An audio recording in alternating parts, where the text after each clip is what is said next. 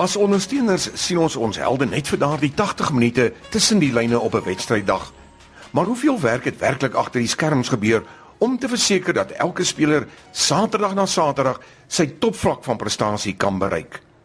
Ja, om vandag 'n professionele sportpersoon te wees, is 'n voltydse werk wat net soveel indien nie meer tyd en toewyding verg as enige ander professionele 9 tot 5 werk nie. Deur die loop van die program kry ons ook in diepte ekspertopinies en indrukke van Cheetahs losvoorspeler Boom Prinsloo, asook Neil Du Plessis, die fiksheids- en kondisioneringsafrigter van die Vrystaat Cheetahs. Boom vertel van die harde werk wat hulle elke dag insit. Dis deesdae 'n vol voltydse beroep wat ons doen. Ons baie oggende begin ons 8uur, ons maak eers 5 klaar. Ons is heeldag besig, werk hard in die gym op die veld, ons ontleed die ander spanne. Dis hoekom hoekom die ouens so goed betaal word deesdae omdat ons so hard werk aan die goeters en omdat die publiek dit so geniet wat ons doen. So dis dis dis baie lekker. Dis lekker om te sê rugby is jou beroep, maar dit is nog steeds baie harde werk. Neil Du Plessis gee ook sy indruk oor die lewe van 'n professionele rugbyspeler.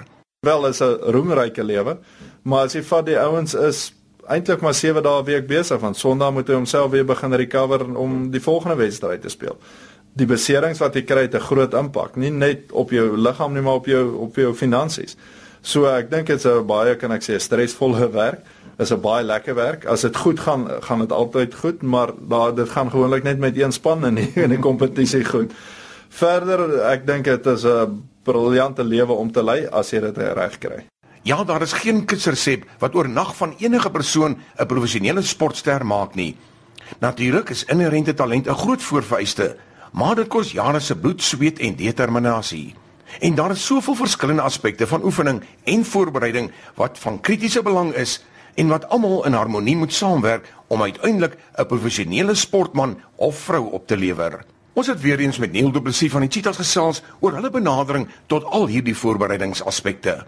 So ons het 'n breë benadering ons na die spelers kyk. Dit is nie net hoe hy oefen nie. Dit is ook nie net hoe hy eet nie, maar 'n kombinasie van alles en dan 'n geperiodiseerde oefenprogram wat saam met sy eet uh, eet uh, werk. So spelers, die ek mens kan amper sê die dae is verby wat hy net kom en oefen. Daar word nou 'n plan vooraf uh, uitgelê hoe ons die seisoen wil benader, hoe ons die sekere spelers wil hê as die seisoen begin en dan hoe om hulle, hoe kan ek sê die Engelse woord te manage deur die seisoen. So Super Rugby nou is al 17, 18 weke aan die gang. So uh, en dit is vir ons een van ons moeiliker aspekte is hoe om die speler nou nog in uh kondisie sy kondisionering reg te hou. Al is dit aan die einde van die seisoen beserings wat inkom, die recovery al daai klas van goed speel 'n groot rol vir ons. Talent speel 'n groot rol maar die ou wat hard werk. Ek dink hier's baie ouens by ons wat deur harde werk is waar hulle kom en nie regtig deur talent nie. Talent gaan jou vat, kan ek sê tot 'n eerste span op skool en miskien op klub. Maar daarna is dit die ouens wat die harde werk insit. Nie net altyd as jy by die Unie is nie of as jy by die veld is nie, want hulle is 6, 7 op 6 ure 'n dag by ons. Wat doen hy daai ander 18 ure? Dit is waar ek dink die professionele rugby speler 'n groot verskil het. Is dit wat hy nie hier doen nie, hoe lewe hy buite? In meeste sportsoorte reg oor die wêreld, insluitend rugby, het die aankoms van die professionele era 'n radikale transformasie in die manier hoe 'n sportpersoon voorberei teweeggebring.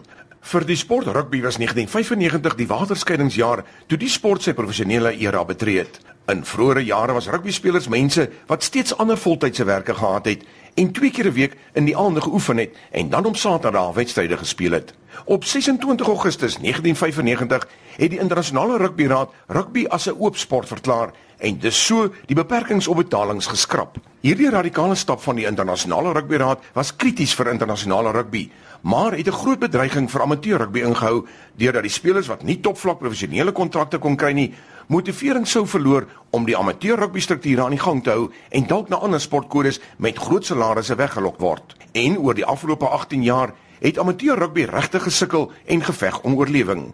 In 1995 is SANZAR ook gestig deur die Nieu-Seelandse, Australiese en Suid-Afrikaanse rugbyunies om juis die bedreiging van ander sportsoorte op rugbyspelers in die drie lande teen te werk. 'n Topvlak kompetisie is saamgestel om spelers te behou. Dit was die ontstaan van die Super 10, later die Super 12, toe 14 en vandag is daar 15 spanne in die Super Rugby reeks. Die hedendaagse moderne rugbyspeler is amper onherkenbaar in vergelyking met die van die 80s en 90s. Hulle liggaamsbou, Fiksheid, leefwyse en daglikse rotine is totaal verskillend van die pre-professionele era speler. Rugby spelers is nou elite, topklas atlete wat die krag van 'n tank, die spoed van 'n Lamborghini, die taaiheid van 'n 4x4 en die uithou vermoë van 'n 24-uur renmotor nodig het. Ons fokus in hierdie program op drie hoofaspekte van die voorbereiding wat vir 'n professionele rugby speler nodig is, en hulle is die fisiese voorbereiding en kondisionering, die geestelike voorbereiding en fondasie wat 'n sportpersoon nodig het, en die voeding en die eet wat nodig is om hulle liggame in topkondisie te hou. In deel 1 kyk ons na die fisiese voorbereiding. Natuurlik is die fisiese voorbereiding en kondisionering van 'n professionele rugbyspeler een van die belangrikste aspekte waarop hulle fokus.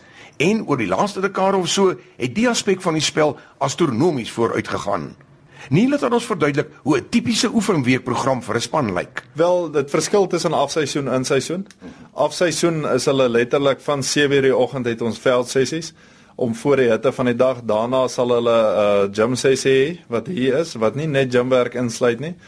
Uh en dan uh die middagete se kant het hulle ete en dan hier van 4 tot 6 het hulle weer 'n oefensessie. En tussendeur het hulle dan nou video sessies en so aan. As dit en dis maandag tot vrydag en dan sal hulle individuele programme hê wat hulle moet volg oor die naweke. As in seisoen soos waar ons nou is, lê ons baie klem op recovery om seker te maak die spelers 100% kom Saterdag, want ons speel Saterdag op Saterdag. So maandag die oggendgedeelte is 'n groot kyk ons na recovery, wat se beserings is daar, hoe kan ons hy ons regkry na die naweek toe? Die spelers is by die mediese kliniek wat ons dokters en fisio sien.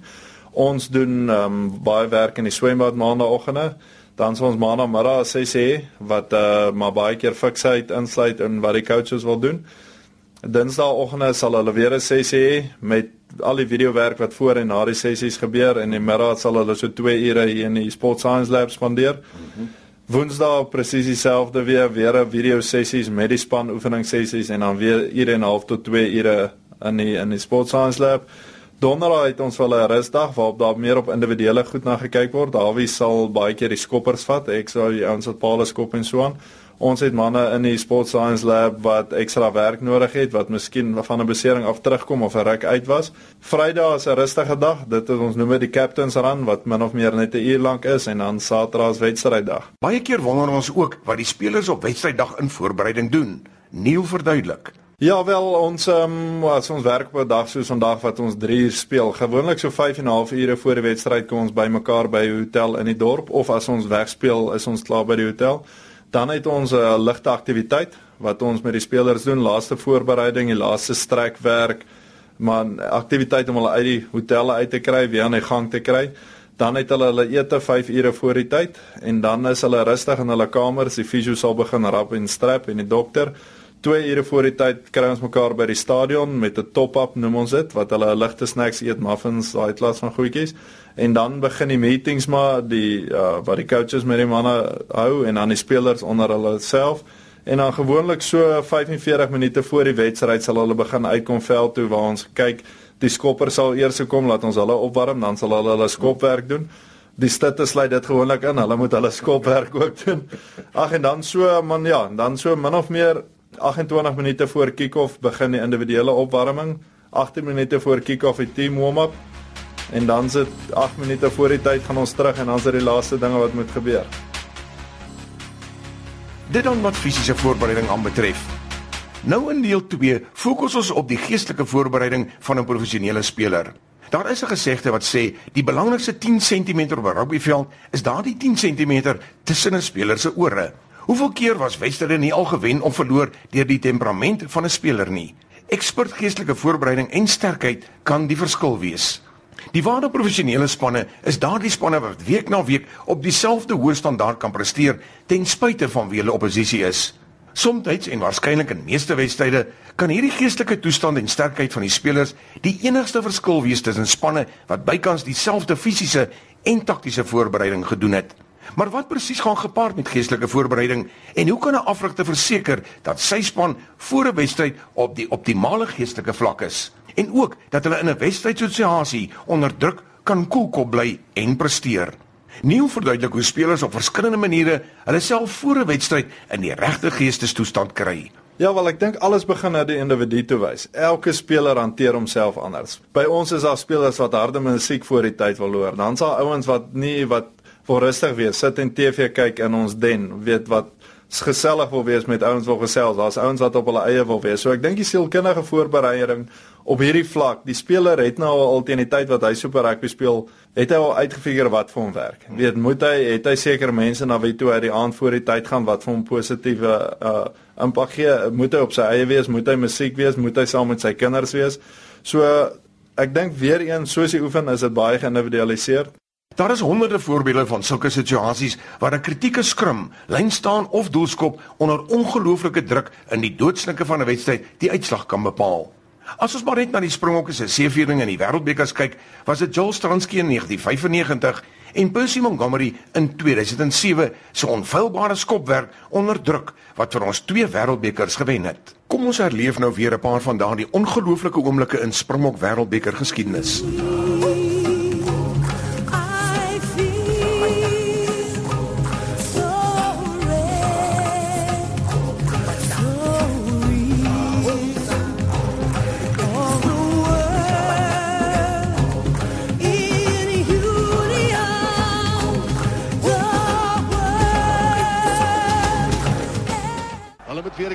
'n vir hom op die kwartlyn.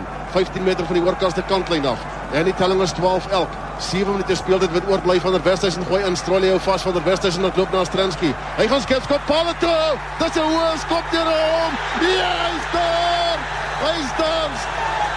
Stransky skep skop dis nie deur. Dis ongelooflike oomblikke. En Suid-Afrika het 15 punte, Nieu-Seeland het 12 punte na bly 7 minute speel dit oor en Ellis Park bars uit sy nate. Stransky skitterend generaal vanmiddag vir die Bokke. I remember quite clearly Francois we had a scrum on about their 22 on the right hand side and Francois called a back row move. And uh, there were only 7 minutes left to go and and I shouted to to you cancel cancel give me the ball and uh, fortunately he told Rudolph Straley to cancel cancel and uh, and he passed it back. And uh, I kicked it. I must say, I hit it really well. I don't think I've ever kicked the ball as well as that's probably the the most sweetly timed kick I've ever kicked. Ingegooi daar deur van der Westhuizen en wag dat die bal moet uitkom. Hy druk daar self kop in. Hallo die bal in die skrum. Hallo die bal in die skrum. Dan kom hy nie leer by van der Westhuizen.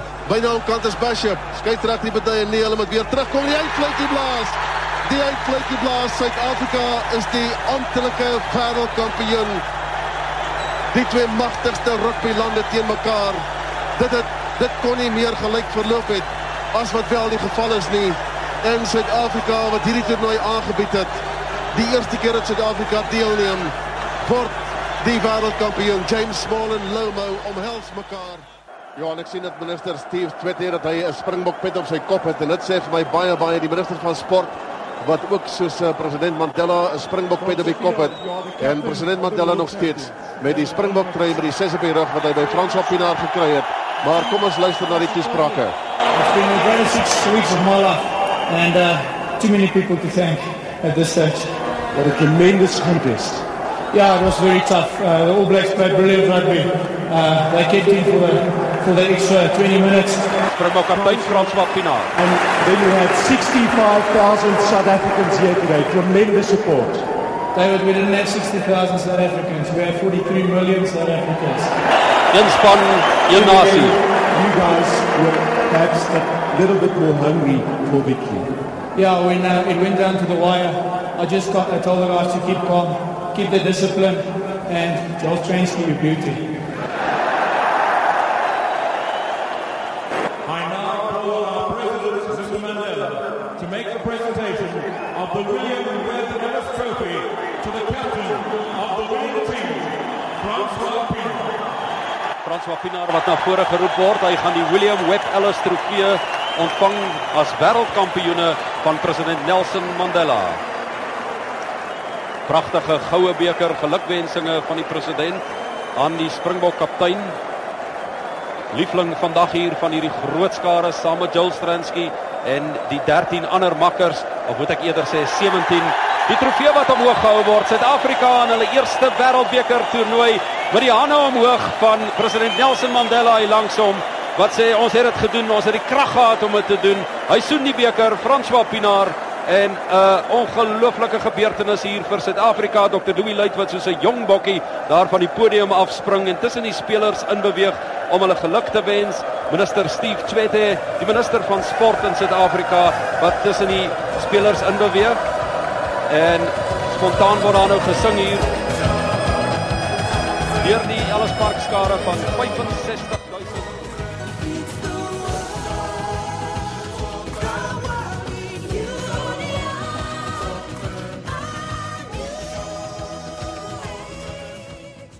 En toe in 2007 was dit John Smith as kaptein en Jake White as afrigter wat die span Frankryk toegelei het vir ons tweede wêreldbeker sege. Die Springbokke wat wag daarvoor vir die Predas voordeel, dat voordeel aan Suid-Afrika strafskop vir die Springbokke.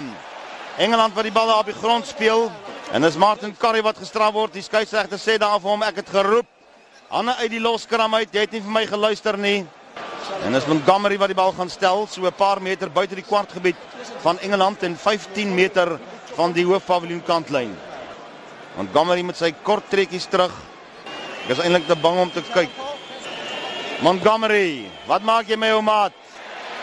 Hy's tussen die pale deur 3 punte wat bykom vir die Springbokke. Springbokke 12 punte, Engeland het 6 punte en dan bly nog net 30 minute se sien die tergende rugby oor van hierdie eindronde in die 20 wêreldbeker toe 27 wêreldbeker toernooi in Parys, Frankryk. En dan het hy nog uitgekom is Johan Smit tel daar op. Uh, Engelse wat so half bietjie daai onkant posisie uitkom en dan sit uh, Friede Pre wat die bal sommer net hier oor die kantlyn skop en die eindfluitjie blaas. Suid-Afrika is die wêreldkampioene. Soos wat dit was in 1995. As dit 'n jubelende Springbok span wat mekaar omhels Manne duik daar op mekaar. Die Springbok reserves die draf op die veld. Suid-Afrika wen. Hulle wen met 15 punte teenoor die 6 van Engeland. Ek dink die vreugdevuur gaan seker nog tot baie baie laat in Suid-Afrika brand. Ek dink môreoggend as die helfte van die mense kerk toe gaan, dan brand die braaivleisvure nog. Jake White het gesê die telling gaan klein wees en uh skopwerk gaan belangrik wees. Jy moet by jou patroon hou andersins gaan jy verloor en dis presies wat die Springbokke gedoen het. Hoor net die pragtige heroïese musiek in die agtergrond met die ehm um, kameras wat flits en die Springbokke stap nader daar aan die podium met John Smith vooraan. President Mbeki stap nader, skud John Smith se blad. En wat 'n wonderlike moment. Die beker word gelig. Daar word sulke goue goedjies in die lug ingeskiet.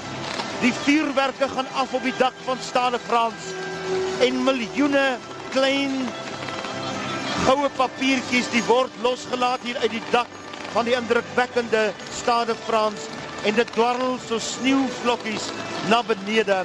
'n ongelooflike moment om mee te maak hier in Parys Ja nee, dit was so waar spesiale hoendervleis oomblikke wat vir ewig in Springbok geskiedenis vasgevang sal bly. Om 'n wêreldbeker te wen is verseker die toppunt van enige speler se loopbaan maar net 'n klein uitgesoekte persentasie van spelers sal dit ooit bereik. Alle spelers se loopbane sal hoogtepunte en laagtepunte insluit. En dit is wanneer geestelike voorbereiding en sterkheid so belangrik is. En dit is dalk ook geen toeval dat die twee afrigters van hierdie twee wêreldbekerspanne, Kitch Christie en Jake White, waarskynlik die twee afrigters was wat alom bekend was dat hulle die beste uit hulle spelers kon kry op kritieke tye. Een van die hoofdoelwitte van geestelike voorbereiding is waarskynlik konsekwentheid. Een manier wat spanne gebruik om hierdie konsekwentheid van geestelike ingesteldheid by spelers te oefen, is om die oefensessies so divers en onvoorspelbaar as moontlik te maak om werklik wedstrydsituasies te probeer naboots. Hul afrigters doen dit byvoorbeeld om oefensessies te onderbreek en vir die span te sê een van hulle sleutelspelers het 'n besering opgedoen. Sodoende berei hulle die ander spelers geestelik voor vir 'n situasie waar 'n speler skielik gedurende 'n wedstryd seer kry en verminder dus die impak van wanneer dit werklik sou gebeur. Om spelers voor te berei vir die onverwagte of onvoorspelbare situasie, laat hulle baie sterker geestelike toestand en vele spelers getuig van die waarde wat sulke geestelike voorbereiding en oefening tot hulle spel bygevoeg het. Boomprinsloo vertel. Kyk individueel is dit my dis jou eie saak. Jy as jy aankom op 'n Saterdag by die game moet jy klaar reg wees. Jy het baie mense visualiseer en goeters en dink na oor wat hy gaan doen. En vir my persoonlik is dit net om my kop reg te kry en my kop skoon te kry en niks anders te dink die dag van die wedstryd. Net wat ek moet doen. Die span gewys. Mens voel dadelik aan of almal reg is as jy die dag hier aankom. Jy kan dadelik voel die ouens fokus of die ouens maak grappies of hoe Maar gewoonlik dan as mens aankom, jy klaar reg wees. So, ja. Sommige afrigters sê ook om vir spelers duidelike en spesifieke doelwitte te stel, gee vir die spelers meer direksie, motivering en helder denke gedurende 'n wedstryd. Spesifieke en bereikbare doelwitte laat die taak om voor te berei vir 'n wedstryd baie meer bereikbaar voel. Sulke doelwitte laat die spelers toe om te fokus op kleiner en makliker bereikbare take eerder as 'n mengelmoes van verskillende groter doelwitte. Byvoorbeeld om te fokus op een lyn staan of skrum op 'n slag te wen is baie meer bereikbaar as om die hele wedstryd deur te fokus om die wedstryd te wen. Dan tydens halftyd van 'n wedstryd, tree die afrigter weer in. Wat sê hy? Hoe motiveer hy? Na die onlangse Springbok-wedstryd teen Skotland, vertel Heineke Meyer wat sy denke was. Ek is iemand wat bekend staan om hard in te klim rustyd, want ek was verseker nie tevrede met die eerste helfte teen en ek onthou so om te veel weg te gee daar met Victor en Bakkies en en ouens wat 50 toetse gespeel het, het ek hulle geblaas halftyd. Maar ek het ook geweet help nie onervare span wat onder geweldige druk is. Die fout wat hy ou kan maak is om nou op hulle te skree ook hulle hulle ek kon nie druk ervaar, kon sien hulle oor ervaar druk en ons het bietjie ge nie woord rattle nie. Ons is net ons is onder geweldige druk en die fout wat hy ou kan maak is dat jy jy as coach jy druk op jou span sit. Ek dink dis waar hy redelik ervare is en uh het vir ons al diep asem. Ehm uh, dat ons groot druk gehad, 4 punte in die game. Ons net die tweede helfte settle sal ons um, sal ons die game wen. Die voormalige Munster en Ierland hakker, Jerry Flannery, het vele kere na 'n wedstryd al getuig van hoe sy span se geestelike en emosionele ingesteldheid en koneksie met mekaar hulle daardie ekstra hupstoot gee om daardie splitsekonde vinniger as die opponente wees en sodoende vir hulle die oorhand te gee. Munster is bekend as 'n baie fisieke span, maar dit is juis hulle geestelike voorbereiding en ingesteldheid wat hulle in staat stel om keer op keer vinniger te kan opstaan na elke groot uitslag en losgemaal. 'n Plaaslike voorbeeld is die Goue Leeu's wat in 2011 teen alle verwagtinge die Curriebeeker gelig het. En baie van die spelers het na die tyd getuig dat dit hulle determinasie en wil om vir mekaar te speel was wat hulle deurgedraai het. Dit was die Goue Leeu's op hulle tuisveld teen die Haie, die verdedigende kampioene. Die koerantopskrifte van daardie week het onder meer gesê: "Eindstryd uitverkoop, 59000 kaartjies. Haie met 12 bokke en 'n Fransman, die volslaggunsteling." Die opwinding het opgebou en toe breek 5uur aan op die middag van 29 Oktober 2011. En die middel van die veld op sy 18 meter stiplyn, Jaco Toute met die regtervoet is 'n monster van 'n skop. Jaco Toute, hy sit tussen die pale deur oor die dwarslaat. Michael Bondisio, hy gooi die bal in, dan wag hy vir hom agter, hy wag vir hom. Tel vinnig op en bar sy weg na die oorkant van die veld. Dit is Dobbies se garansie wat deursny op Bosboet. Kry die bal van Bondisio. Hy maak of uitgeen as hy deur 'n gaping. Hy's op die 10 meter stippellyn. Hy's op die kwartlyn en slinger die bal in na die oorkant van die veld toe. Dis in die hande van Michael Kilian. Michael Kilian, iemand gaan hom keer, hy gaan oorduik. En is dit 3 vir die Lions op die tellbord. Michael Kilian. Dis die eindfluitjie wat blaas en is die Lions wat wen met 42-16. Hulle is die nuwe Karibeker kampioene. Dis net rooi en wit vla wat wapper in Johannesburg. Maar rus en ontspanning is ook 'n belangrike aspek van geestelike voorbereiding vir 'n professionele speler. Spelers moet tyd vind om te ontspan om te verhoed dat hulle geestelik afgetakel word deur die stres en spanning van groot wedstryde week na week. Dus In 'n era waar die gapings tussen topspanne al hoe kleiner word en spelers gedruk word om hulle fisiese limite, is dit geen verrassing dat meer en meer spanne groter fokus plaas op die rol van sportsielkundiges en geestelike toestandafrigters om hulle span daardie ekstra dimensie op die veld te gee nie. En die rol van geestelike voorbereiding in rugby is verseker 'n area wat meer en meer sal groei.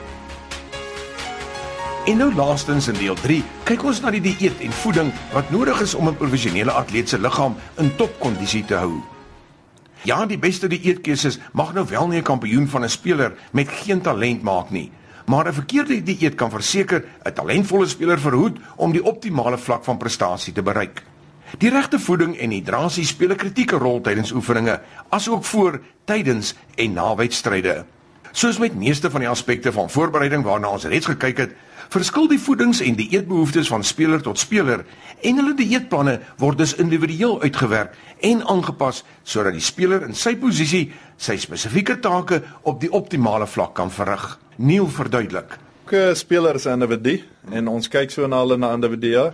So die speler sal met die dieetkundige praat om 'n eetplan vir hom uit te werk. Die dieetkundige sal met my praat om sy oefenprogram aan te pas.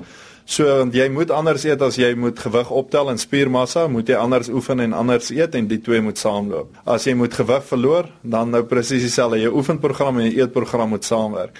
So is moeilik om te sê wat hulle eet, maar want elke ou eet verskillende maniere, verskillende tye, eet verskillende kossoorte.